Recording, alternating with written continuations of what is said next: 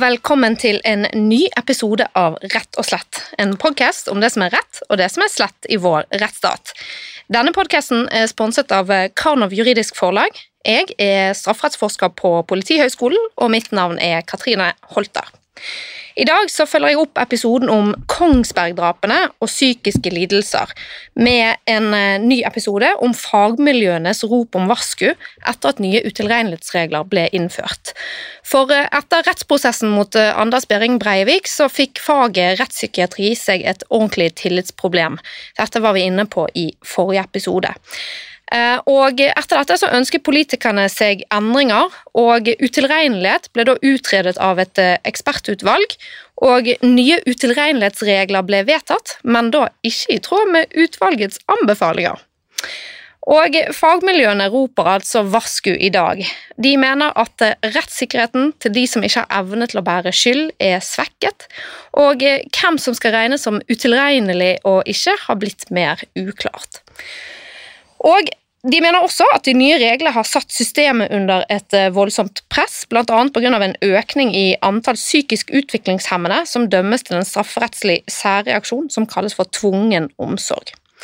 Jeg vil eh, prøve å finne ut om dette er en riktig beskrivelse av virkeligheten.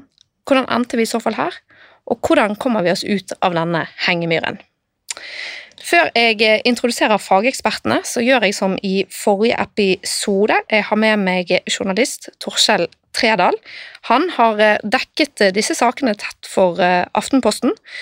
Og jeg er veldig glad for at han, med sitt gode overblikk over dette saksfeltet, er tilbake i studio og kan gi oss en kort introduksjon til hvorfor fagmiljøene nå roper varsku. Det er hyggelig å ha deg her, Torskjell. Takk, takk. Hvilke fagmiljøer er det nå som roper varsku? Det er jo, jo, flere. Eh, vi har tidligere i Aftenposten skrevet om, eh, om du var inne på tvungen omsorg, eh, sentral fagenhet i Trondheim, som tar imot pasienter som, som har, i utgangspunktet skal ha en psykisk utviklingshemming, og hvor de ser en veldig økning i, i antall dømte. Og hvilke konsekvenser det har da, for deres kapasitet og kostnaden for øvrig for, for samfunnet. Og så har jo vi også skrevet uh, nylig om Helsetilsynet, som uh, har ført uh, har gjennomført tre tilsyn på to år etter varsler om alvorlige hendelser. I sykehusene? I sykehusene, i behandling av mennesker som allerede er dømt til tvungent psykisk helsevern. Og det Helsetilsynet er veldig tydelig på, det er at de, de frykter og forventer flere voldshandlinger fra, flere voldshandlinger fra mennesker som allerede er underlagt dom til tvungent psykisk helsevern. Men som er ute i det fri? Men som er ikke ute i det fri, men som er under behandling, men som er bosatt eh, f.eks. ute, eller ute på permisjon. Helt konkret så er det, det er jo tre tilsyn de har hatt. Det ene var eh, etter drapet på Katrine Sand i, i, Trondheim i 2019. Hun ble drept av en mann som var eh, på dom, hvor de fant ut at ja, det var veldig mange faresignaler som ikke hadde blitt plukka opp. Eh, det var rus og kriminalitet. Han hadde f.eks. kjørt i ruspåvirka tilstand. Eh, det var forverring av hans eh, tilstand, og mange som varsla om det, uten at det førte til noen innstramminger i, i tiltakene rundt han fikk fortsette å bo i en bolig. Han ble plassert i et trehusbebyggelse. Han var allerede dømt for to brannstiftelser. Han flytta, og det ble ikke Informasjonen fløyt ikke videre eh, mellom etatene og mellom der han flytta fra og, til Trondheim.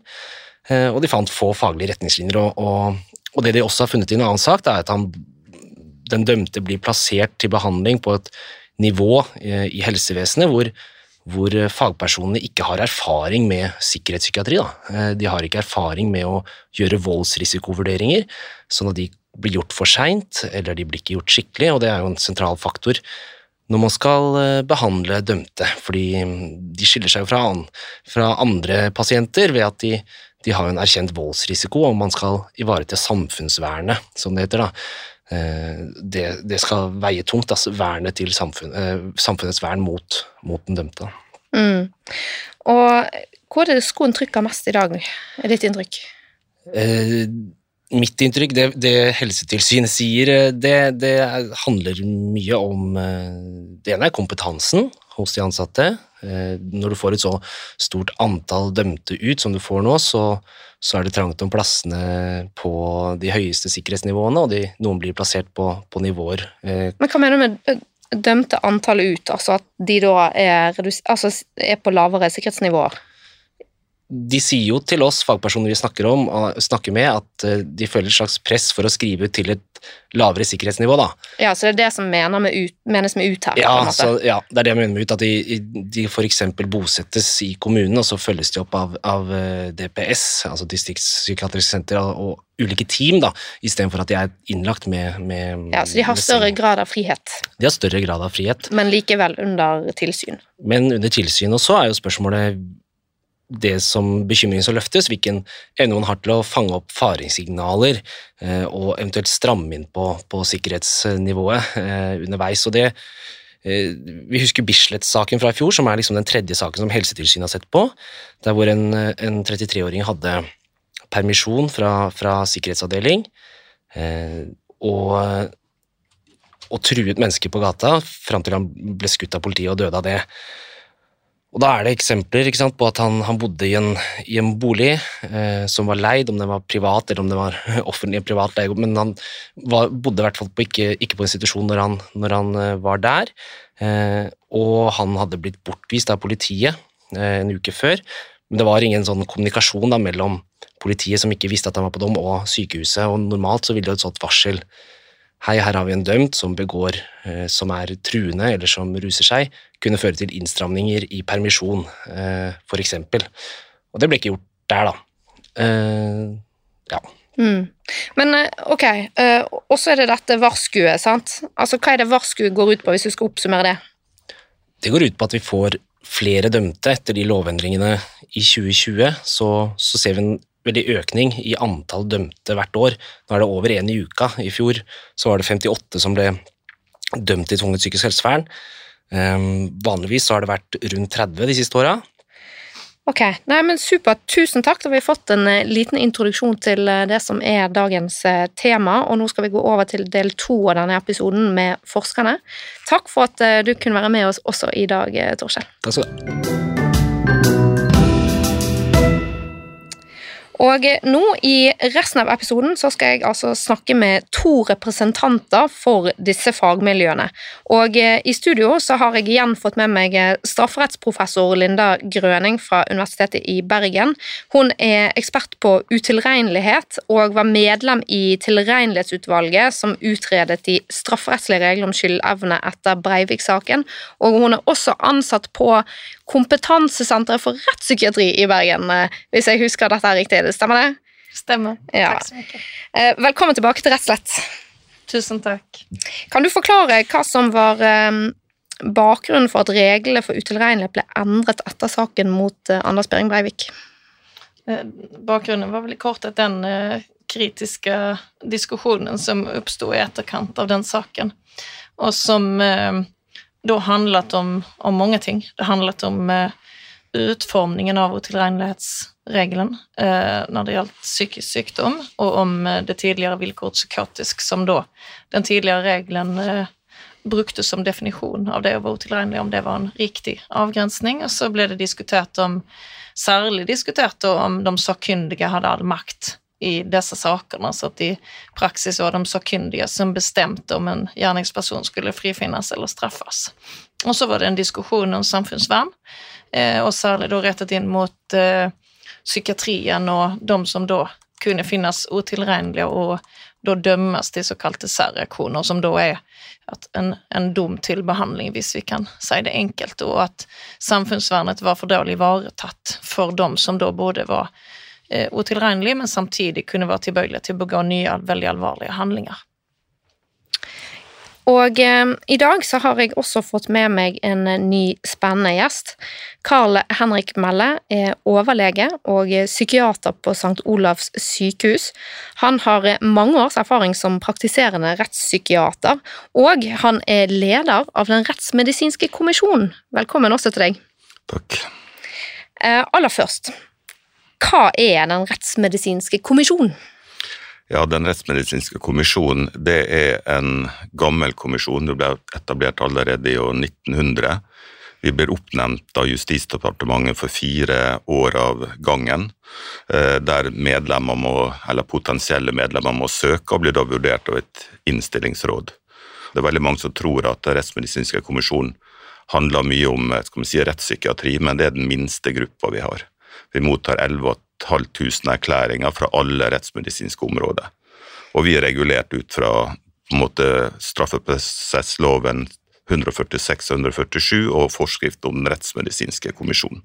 Hvilke oppgaver er det dere har som, i hovedsak? Den primære oppgaven vår er å kontrollere rettsmedisinske erklæringer avgitt i straffesaker til påtalemyndigheten og retten. Ikke ok, så, så, dere har sakkyndige som, som, eh, skriver en eh, erklæring etter å ha gjennomført en diagnostisering og samtaler med en Eller en utredning, da, heter det vel kanskje, med en eh, potensielt uh, utilregnelig person? Og så blir de sendt til dere for godkjenning? Er det sånn? Ja, til, altså vi er fire grupper. Det er gruppe for uh, psykiatri, genetisk gruppe, toksikologisk gruppe og gruppe for rettspatologi og klinisk rettsmedisin. Ja, sånn at dere har også DNA-bevis og alt dette her? Ja, altså så vi kontrollerer alle rettsmedisinske erklæringer, men fokus har jo vært mye på rettspsykiatri, som selv om vi mottar flere og flere erklæringer, i år uh, mottok vi 1149 eh, erklæringer, eller rettere sagt i 2021 1149 erklæringer, som var liksom all time high.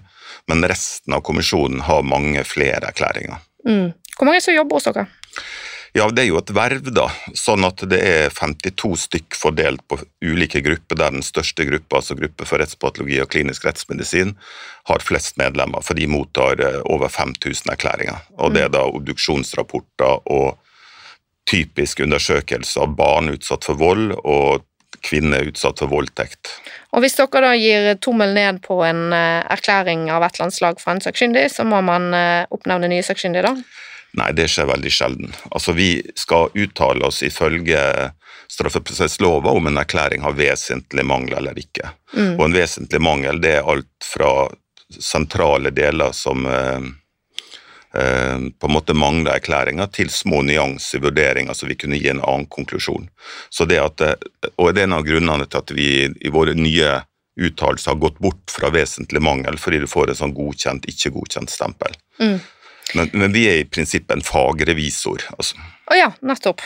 Ja, det er en eh, god måte å si det på. Um, helt overordnet, og dette skal jo utdypes grundig i episoden, men, men hvilke utfordringer står rettspsykiatrien overfor i dag, sånn som du ser det? Ja, så Det er jo flere forhold. Der kunne jeg snakka i timevis. Ehm, men det ene er jo det at eh, alle de andre på en måte sakkyndigmiljøene våre er jo institusjonsforankra. Mens det rettspsykiatriske på en måte sakkyndigheten er jo privat den priser ofte folk gjør på siden av, eller som hovedgeskjeft. Ja, de gjør det som oppdrag, ikke sant? Ja. Og, eh, og så du, skal jo du på mange måter da inn i ettertid og si noe om en sinnstilstand til en person på det vi kaller handlingstida, som kan ha vært to og tre og fire måneder tidligere. Så det er en rekke utfordringer på en måte i den forbindelse. Ehm, eh, før så var jo det slik at vi konkluderte på på en måte i forhold til rettslige eh, vilkår, der vi gjorde også en vurdering opp mot det. Det slipper jo vi nå. Så Sånn sett har rettspsykiatrien det mye bedre etter lovendringa, men retten har fått mye mer komplisert liv. Mm. Um, Linda, hva er disse lovendringene? Uh, ja uh, De kom er... altså i 1. oktober 2020, trådte i kraft Ja. Vedtatt i 2019. Ja, De endringene som vi nå eh, snakker mest om, det er jo da endringene i eh, straffeloven paragraf 20, altså utilregnelighetsreglene, reglene om hvem som mangler skyldevne. Eh, og de eh, ble da eh, har egentlig blitt til dels eh, radikalt endret, kan man si, på den måten at for på den, ved, ved tidspunkt før 22. juli-saken og den regelen som ble omdiskutert, så var det en, en nokså enkel regel, eh, i hvert fall eh, tilsynelatende, som sa at den som var psykotisk på handlingstidspunkten, den skulle forstås som utilregnelig og frifinnes. Eh, ja, det er ganske rett frem. Så, ja, så, så eh, ble den regelen kritisert, og så Hvorfor det? Nei, det var det som jeg var litt inne på tidligere, at uh, dette villkoret, eh, psykotisk var ju ett, eh, ett villkor som var rättsligt definierat men som länte sig väldigt starkt eh, upp mot den medicinska förståelsen av vad det är att vara psykotisk. Och eh, kombinerat med att de sakkunniga tidigare kunde eh, konkludera om gärningspersonen var psykotisk efter straffeloven så betydde ju detta då att, eh, och det var det som var kritiken, att de sakkunniga hade en väldigt stor inflytelse och att eh, jussen är väldigt eh, tydlig kopplat det att vara otillräknelig till en medicinsk vurdering om personen var psykotisk eller ikke. Mm. Og her kommer det medisinske prinsippen, ikke ja, sant? Ja, det som da... Og hva betydde det? Ja, det som da gjerne Dette ble jo da gjerne omtalt som et medisinsk prinsipp, og for å si det enkelt kan man si at det eneste som hadde betydning eller har betydning etter et medisinsk prinsipp, det er at gjerningspersonen eh, syk mens vedkommende begår lovbruddet, i dette tilfellet da psykotisk. Eh, och det har altså ikke noen betydning hvordan eh, sykdommen virkat in på lovbruddet. Ja, sånn at når man da tar stilling til om en person er utilregnelig Før var det sånn at da eh, undersøkte man om personen var i den tilstanden på gjerningstidspunktet, uten at man gjorde en sånn tilleggsvurdering av, og en sånn ekstra vurdering av om denne sykdommen var den utløsende faktoren til handlingen. ikke sant? Ja, og, sånn er det fortsatt, bare så det er sagt. Vi har på den måten så har vi, selv om man nu i lovförarbetena kallar den nya regeln for en modifisert blandat princip. Ja, for hva så, det? Ja, det, det er jo vanskelig å si hva det er, men det som er klart, er at grunnen i, eller essensen i det som da blir omtalt som en medisinsk prinsipp, altså at du ikke gjør noen vurdering av sammenheng mellom mm. tilstand og lovbrudd, det gjelder fortsatt. Så sånn sett så er det fortsatt kun hvor syk du er, som har betydning, og at du er tilstrekkelig syk. Ja, for ved et blandet prinsipp så er det sånn at man gjør tilleggsvurderinger i tillegg til å vurdere den. Ja, det er ofte et blandet prinsipp pleier å omtales som det som de fleste land har, nemlig det at du har både vilkår om at man må være i en bestemt sykdomstilstand, og i tillegg så må tilstanden ha virket inn på lovbruddet. Eh, så, så i Norge har man da bare eh, det første. Du må være i en bestemt sykdomstilstand. Eh, så den nye regelen, da, eh, den eh, er likevel veldig endret, fordi at den eh, legger opp til da at hvem som er utilregnelig, det skal vurderes, eller man har veldig stort det som kalles for rettslig skjønn å vurdere dette. Regelen opererer med en vurdering i to trinn, så man skal først ta stilling til om personen var i ett av tre grunntilstander. Dette er den nye regelen vi snakker om nå. Ja, og, og, da har man da eh, de tilstandene som er der, det er sterkt avvikende sinnstilstand, som da i kjernen omfatter det å være psykotisk. Eh, og så har du eh, sterk bevissthetsforstyrrelse, og så har man høygradig psykisk utviklingshemming. Og i tillegg så må man da anses Men hva er en sterk bevissthetsforstyrrelse? Det? Eh, det er jo at du er, eh, ja, som man sier i i rettspraksis at forbindelsen med ditt vanlige jeg er borte. Altså du kanskje går i søvne, mm. eller så kan det være en tilstand som er utløst av et epilepsianfall eller en eh, insulin... Eh, mm. eh, alltså tillstånd som kännetecknas av att du inte har den normala bevisste kontrollen over dine handlinger. Men er det noe nytt? Dette, eller dette har Nei, vært der, sant? det er fortsatt der. Men det som er nytt med reglene, er at, at den legger opp til denne totrinnsvurderingen, mm. og at til sist så skal hvem som er utilregnelig, avgjøre sin helhetlig skjønnsmessig vurdering. Og da har domstolen nå fått eh, si, tilbake eh, den dømmende makten. Og det er mm. vel kanskje da det mest radikale med denne endringen er da at man har eh, kastat ut de sakkyndige fra de rettslige vurderingene og sagt at de sakkyndige de skal kun vurdere innenfor sitt fag, så de får bare opplyse domstolen om gjerningspersonens medisinske tilstand.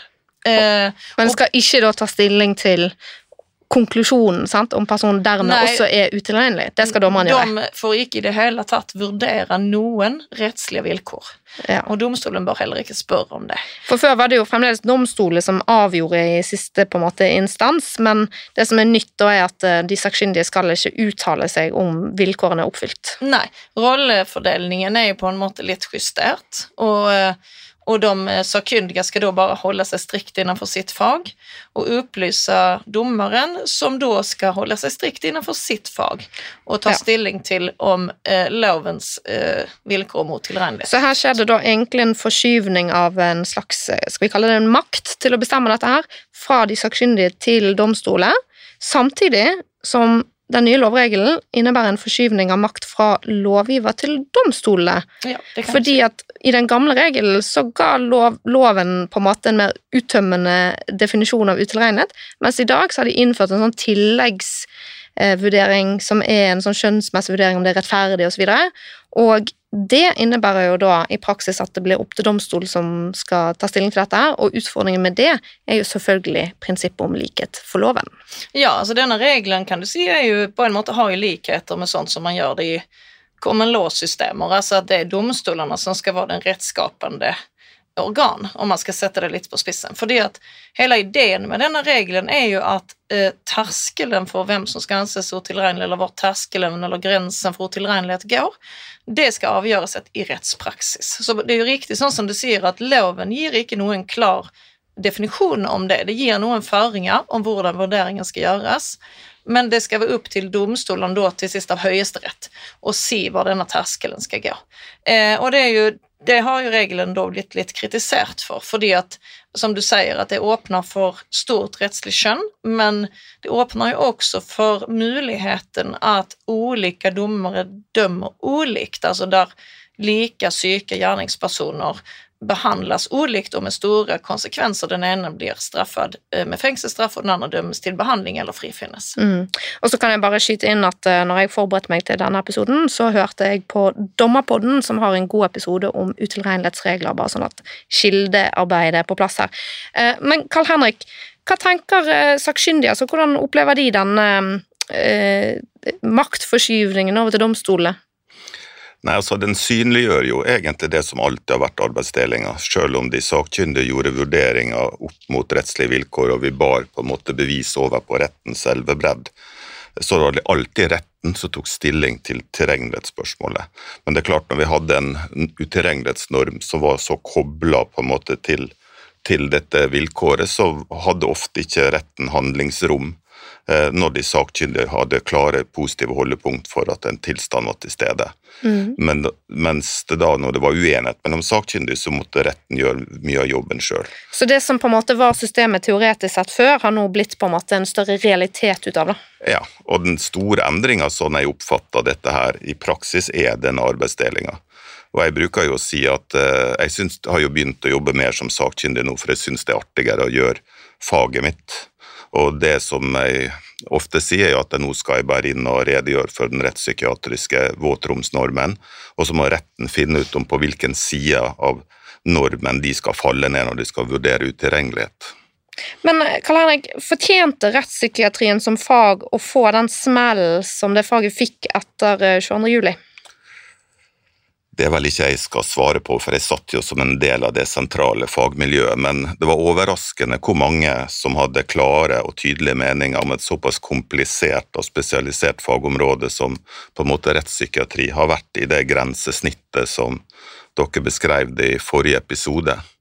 Eh, eh, Men samtidig så medførte jo dette fokuset altså positive endringer, at det, vi fikk opp laga Nasjonal enhet for rettssikkerhet i sakkyndighet i Trøndelag, som da formidler sakkyndighet til påtalemyndighet og retten, slik at han unngår en del av den eh, kritikken at det var faste makkerpar som jobba sammen, altså det de ble kalt for parhester. Eh, Så, så det, det har også blitt en del sånn økt bevissthet som jeg syns er veldig positivt i forhold til hva som er rettens ansvar, og hva som er sakkyndiges ansvar. Mm. Og til det med så kan vi si at jeg syns jo at vi jurister egentlig slapp litt lindrig undan det. Eh, fordi denne kritikken også, at, at det var akkurat rettspsykiatrien som ble så utsatt for kritikk, viser jo også hvor medikalisert denne utilregnelighetsdiskusjonen hadde blitt. Fordi til syvende og sist så en, del av, en stor del av problemet det var jo at juristene ikke hadde kommet på banen, kanskje, og eh, gitt en klar nok juridisk definisjon av hva det vil si å være utilregnelig. Fordi at hvis man ikke stiller presise nok rettslige spørsmål, så tenker jeg det er veldig vanskelig å få gode svar. Sånn at, og at rettspsykiatrien er et fag som kan levere usikkerhet og mange forskjellige eh, vurderinger. Det tenker jeg at sånn eh, må det nok være. altså Sånn gjelder jo også i psykiatrien ellers, tenker jeg.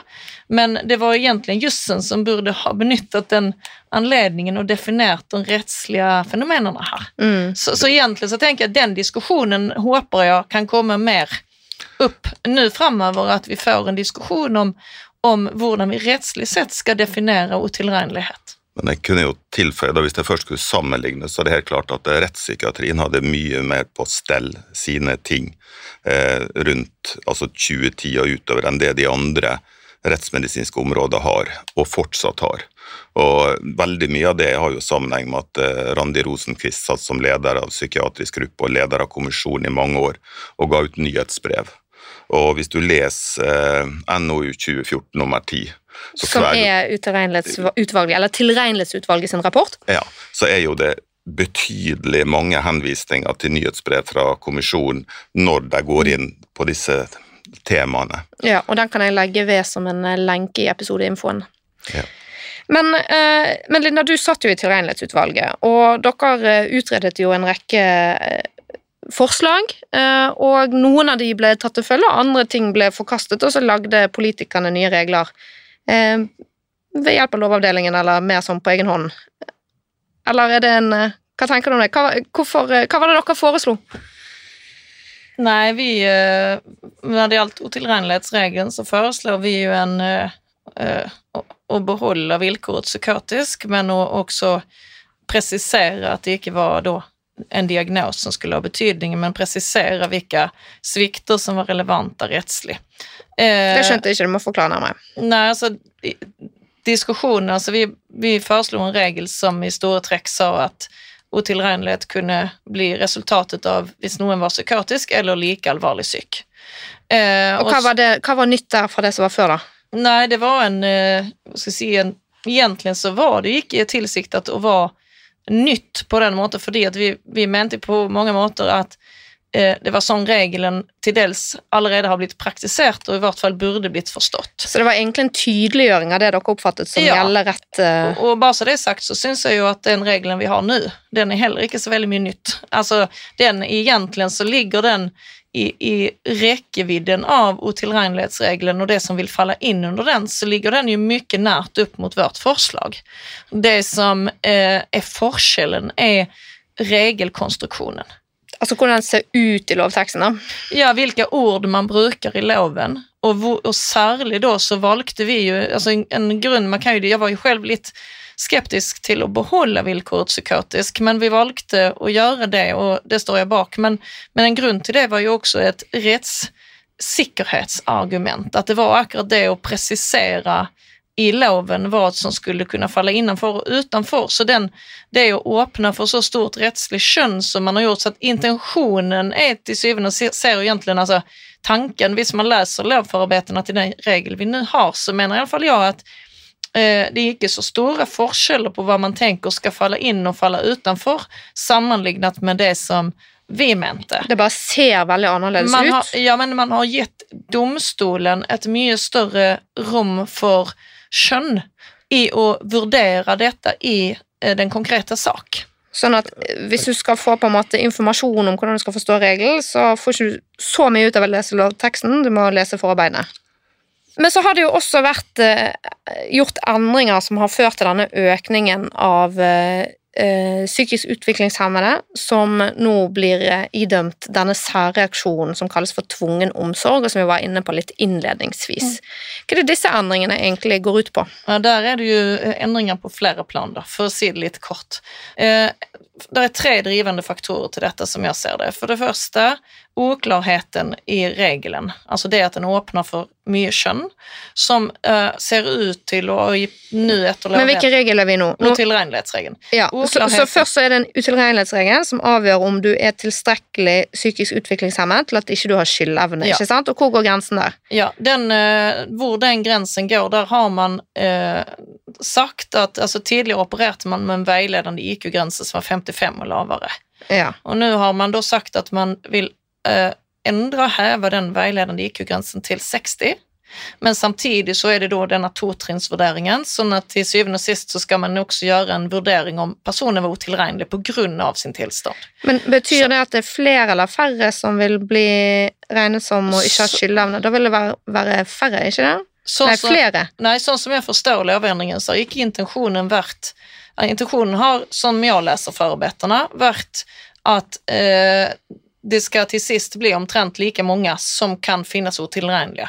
Eh, det er snakk om en justering der man også ønsket å komme vekk fra altfor stor Altså at IQ-grensen har blitt forstyrrende, sånn at noen så si, som burde vært ansett utilregnelige, har falt utenfor fordi at de hadde en IQ på 58 så har man villet justere for å være sikker på at man får med alle som bør finnes utilregnelige. Eh, Så det er en ting, men i praksis så ser vi nå at denne regelen ser ut å tolkes utvidgende. Sånn at eh, i, det ser ut som, i hvert fall nå i noen saker etter lovendringen, som at man har lagt til grunn at terskelen for utilregnelighet ved psykisk utviklingshemming er hevet. Og det, det, betyr at det blir Flere. flere som blir dømt som å være utilregnelig. Og det betyr også i neste ting, fordi at, fordi at du dømmes, finnes utilregnelig, så skal du jo frifinnes. Med mindre det er grunnlag for å dømme deg til en særreaksjon. Og Mm. når det gjelder den såkalte tidsubestemte eller tvungen omsorg for uh, Som er da altså den særreaksjonen Ja. som man da anvender overfor psykisk utviklingshemmede. akkurat. Og hva er det det innebærer i praksis? Det finnes to former av den. Den ene er tidsubestemt, og den andre er tidsbestemt i tre år. Så hvis vi, Det innebærer i praksis at du dømmes til behandling, og den gjennomføres eller påbegynnes, og dette kan Karl Henrik utdype mer om, i en, en spesiell enhet for tvungen omsorg. Eh, og så eh, betyr det at du, hvis du har tidsubestemt reaksjon, så gjøres det risikovurderinger, og da slipper man ikke ut så lenge man anses tilbøyelig for å fortsatt kunne begå alvorlige handlinger. Denne gruppen slipper sjelden ut. Men det er klart fremdeles ikke helt å gripe tak i hvor denne regelendringen som Ja. er årsaken til all, alt som er vondt Ja. her, Ja, har det- kommet inn. Ja, den første var utvidningen av utilregnelighets, altså en heving, Ja. Så der blir det flere.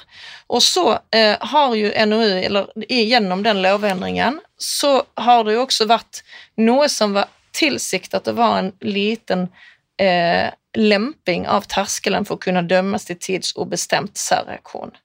Den ser ut nå i praksis til å ha resultert i at det tas ut tiltale i mange flere saker om særreaksjon. Og det betyr jo at personer som tidligere kanskje ble frifunnet fordi at det ikke var grunnlag for å dømme til særreaksjon, vil det nå tas ut tiltale for. Sånn at økningen Det blir altså flere utilregnelige, og så blir det flere som dømmes til særreaksjon. Så det er to endringer som virker sammen. Og det er dette som Og eh, den, ja, så det er én ting til. Ja, ok. Det Fullfør det først. Og det er at man har tidligere man har også nå åpnet for at andre enn de med psykisk utviklingshemming kan få tvungen omsorg. Aha, så, så særreaksjonen tvungen omsorg er blitt utvidet til nye persongrupper? Ja, eftersom man har man har rett og slett eh, sagt at fordi at noen av dem som anses utilregnelige på annet grunnlag enn høygradig psykisk utviklingshemming, de kan ha tilstander som eksempel eh, autismetilstander eller annet som man anser er mer hensiktsmessig å behandle i en enhet for tvungen omsorg enn i psykiatrien. Så autisme, er det demens Kan være. også? Ja. Så dette er jo en del av diskusjonen. Så, så, så ja, i sum det er tre ting som virker sammen, tror jeg, som gjør at man får et, et større trykk og flere som dømmes til tvungen omsorg. Flere blir regnet som å være psykisk utviklingshemmet og Mm. dermed utilregnelig. Flere blir dømt til tvungen omsorg fordi man har utvidet persongruppen. Og hva var det siste? Fordi at flere ble dømt fordi at å lempe terskelen for å få særreaksjon. Mm. Kan du forklare, altså gi oss et bilde på hvordan en tvungen omsorg ser ut? Hvordan ser denne særreaksjonen ut i praksis? Hva er det som skjer i praksis? I, altså, slik det var før lovendringa, så var det typisk en høygradig psykisk utviklingshemmet person, dvs. Si en person med et funksjonsnivå fungerte som om det hadde en IQ un, altså ca. 55 eller under, så betyr det at du er høygradig utviklingshemma. Um, de vil da få denne dommen så vil de da bli lagt inn på sentralfagenett for tvungen omsorg, på posten der. Utreda, for de har veldig ofte alvorlig psykisk problematikk. De er ofte psykotisk, de har ofte alvorlig somatisk problematikk. Utreda. På et blir- psykiatrisk sykehus. ja, det, det ligger på en post inne med regional sikkerhetsavdeling. Så vi har fire Ja. poster som ligger sammen På sykehuset. Og, på sykehuset. Så føres de ut i et botiltak, eh, fortrinnsvis i hjemkommunen, som er bemanna opp mot den risikovurderinga som er gjort. Og her hører jeg også at pengene flytter seg fra stat til kommune. Ja, og veldig ofte er det også slik at kommunen ikke er villig til å stille opp, slik at eh, å ikke brenne inne med disse personene, så vil det bli tatt kontakt med en privat tilbyder, som da vil kunne komme med et tilbud veldig likt som skjer med kapittel 5 andre steder i landet, og så blir det etablert et privat tiltak. Og når det tidsobjekt... altså, så det ikke, men det er kommunen som må betale, sant? Nei, kommunen betaler ingenting. Det er sentralfagenett som fullfinansierer. Aha. Og, og det som skjer nå, er jo at du får en eksplosjonsarta økning i utgiftene over statsbudsjettet til tvungen omsorg. Men en sånn kuriositet er jo å sette seg ned med en, med en IQ på under ca. 55, som hører i retten at han er frifunnet. Og så kommer han til oss og så sier han jeg er jo frifunnet. Sant? Så sier jeg men du er idømt en særreaksjon. Det er ikke lett å forklare en utviklingshemma hva en særreaksjon er. Nei, øh, men er det Jeg òg syns det er vanskelig å forstå det. Men, men Jo. man Ja, kan, hva er det i praksis? Altså, Ja, betyr i det at du må bo i en leilighet som er under konstant oppsyn? Ja, veldig ofte Altså, når du har så lav IQ som mange av disse har, så må de ofte ha tilsyn hele tida, ut fra en omsorgsevne også, men også for å hindre det å begå nye lovbrudd. For en del kan være tiltrekning mot barn, noen kan være brannstiftere og den type ting. Men jo mer vi utvider særreaksjonen til mer velfungerende, så vil på en måte omsorgsbiten gå mye mer ned. Og kontrollbiten opp. Ja. Og- Så det ligner mer og mer på en frihetsberøvelse. Ja, subjektivt opplevd for de som får det, da. Når, spesielt når de kanskje hadde fått tre-fire måneder fengsel for trusler, og så ender de opp med en tidsubegrensa særreaksjon der siste opphør var i 2012. utgangspunkten er at den som mangler skyldevne, den skal frifinnes for straffansvaret Og så har vi likevel da en adgang til hvis disse personene som frifinnes likevel kan anses farlige, hvis vi kan si det enkelt. Eh, fram til 2016 så var kravet da at det måtte stå om at de kunne begå veldig alvorlige hadde begått og kunne begå veldig alvorlige forbrytelser. Så eh, i 2016 så ble det innført en tidsbestemt særreaksjon, og da handlet det om de såkalt altså gjentatt og plagsom kriminalitet. Altså da har vi eh, hva skal jeg si, utøket særreaksjonene til å ikke bare handle om farlig kriminalitet, men også om plagsom kriminalitet. Så eh, har vi da etter den seneste lovendringen lempet terskelen for den som begår farlig kriminalitet, sånn at vi har beveget oss med trinn for trinn mot en utøkning mot å kunne bruke strafferettslige særreaksjoner og strafferettslig kontroll overfor en gruppe som faktisk er uskyldig. Så det skal med i bilden her. Vi snakker om de som ikke anses ha skyldevne, som ikke da, som må frifinnes. Eh, Men, men betyr dette at det folk som ikke er farlige, psykisk utviklingshemmet, som ender opp i et kontrollregime unødvendig? Ja, altså det gjør, altså nå, nå er det hva du skal kalle altså Jeg skrev jo et privat lovforslag i 2007 der jeg ønska å innføre noe som heter 33c, en brysom paragraf i psykisk helsevernloven, der, som har en veldig lik formulering med brysom nå i straffeloven. For jeg mente det var mye nat mer naturlig at det ble behandla innenfor det sivilrettslige. Altså at hvis det var uttalt plagsom, uttalt brysom, utpå uttalt krenkende atferd, og alle andre tiltak synes åpenbart formålsløst, hva de skrev, så vil du kunne holdes på tvang. Hva er et eksempel på det? Brysom. Ja, du har jo en del eksempler som begrunner det, at hvis du går i naboens bil og har avføring gang på gang, eh, og du blir vurdert som utilregnelig av retten, og psykisk helsevern sier du er ikke syk nok sant, Mm. til å kunne legges inn, og dermed så får du da det som de kalte fribillett. Eh, eh, lovbryterne, da, som Mm. visste at de kunne begå straffbare handlinger uten konsekvens. Eh, bare for å si det sånn, så tror jeg at vi må ta inn over oss at det er noen personer som trenger eh, både kontroll og omsorg. Eh, oavsett om vi vil gjøre det før eller etter dom, for å si det sånn. Og, eh, og her, eh, men det som jeg syns er en bekymringsverdig utvikling her, er jo at eh, vi beveger oss mer og mer mot en situasjon der strafferetten blir det primære virkemiddel for både kontroll og omsorg og forebygging omkring denne gruppen.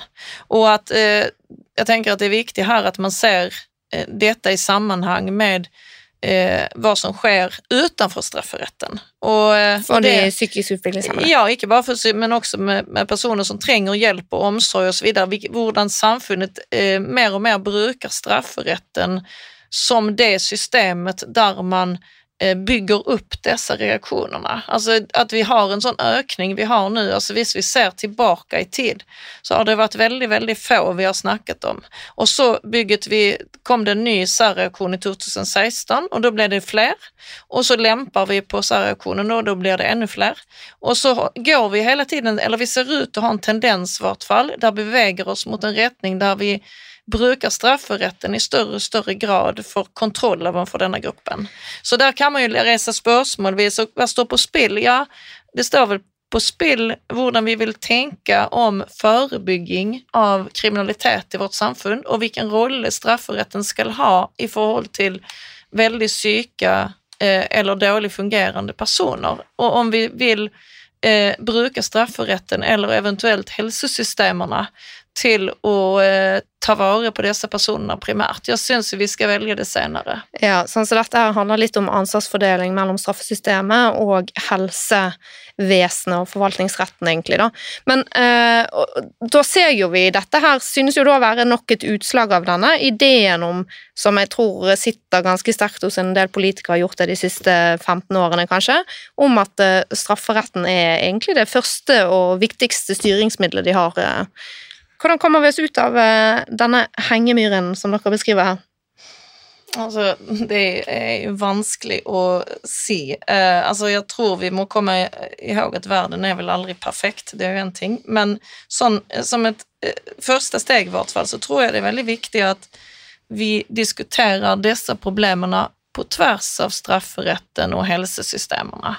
At vi ikke skaper lover og regler på dette fältet i strafferetten uten å ha kjennskap til det som skjer i helsesystemene, og omvänt at vi ikke skapar lover og regler i helsesystemene uten å ha vurdert hvilke eventuelle konsekvenser det vill kunne få i strafferetten. Så det at vi snakker på tvärs av fag og på tvärs av systemer og rettssystemer, det tror jeg er veldig, veldig viktig. Hvilket eh, budskap har eh, du til eh, lovgiver, Karl Henrik? Altså, jeg vil ikke si vi er i hengemyr, vi- men vi har virkelig begynt å bli våte på beina. Altså det, nei, I forhold til lovgiver så syns jeg de skal følge med på rettsutviklinga.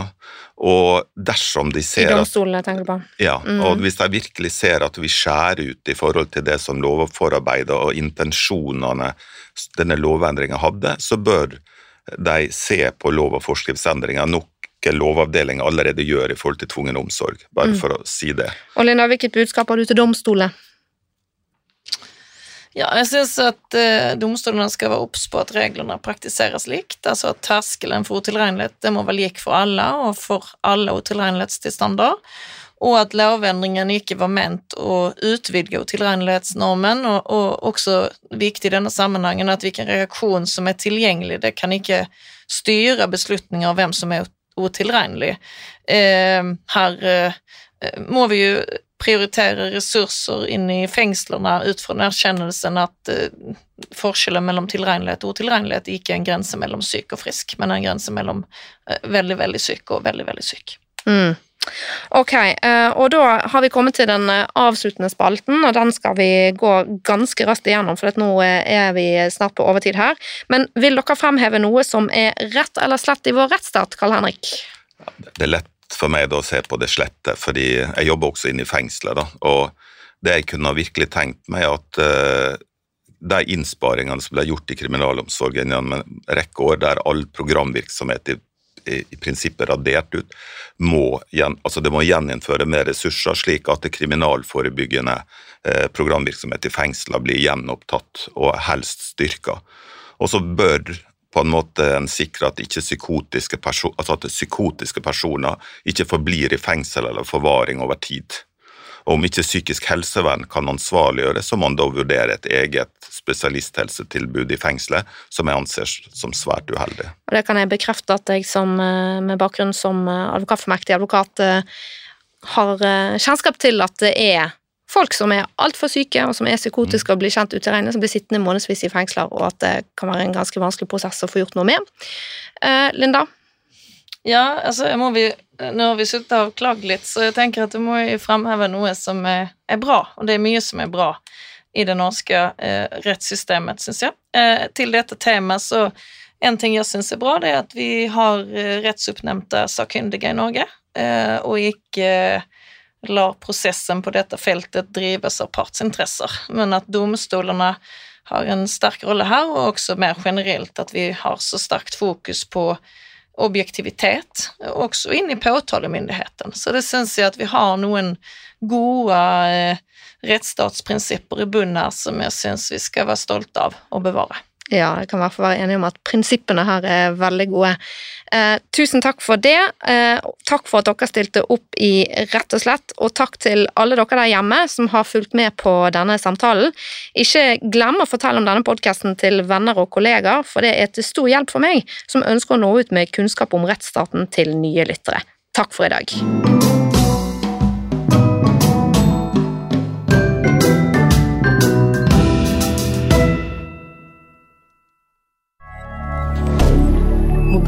hebdomadaire.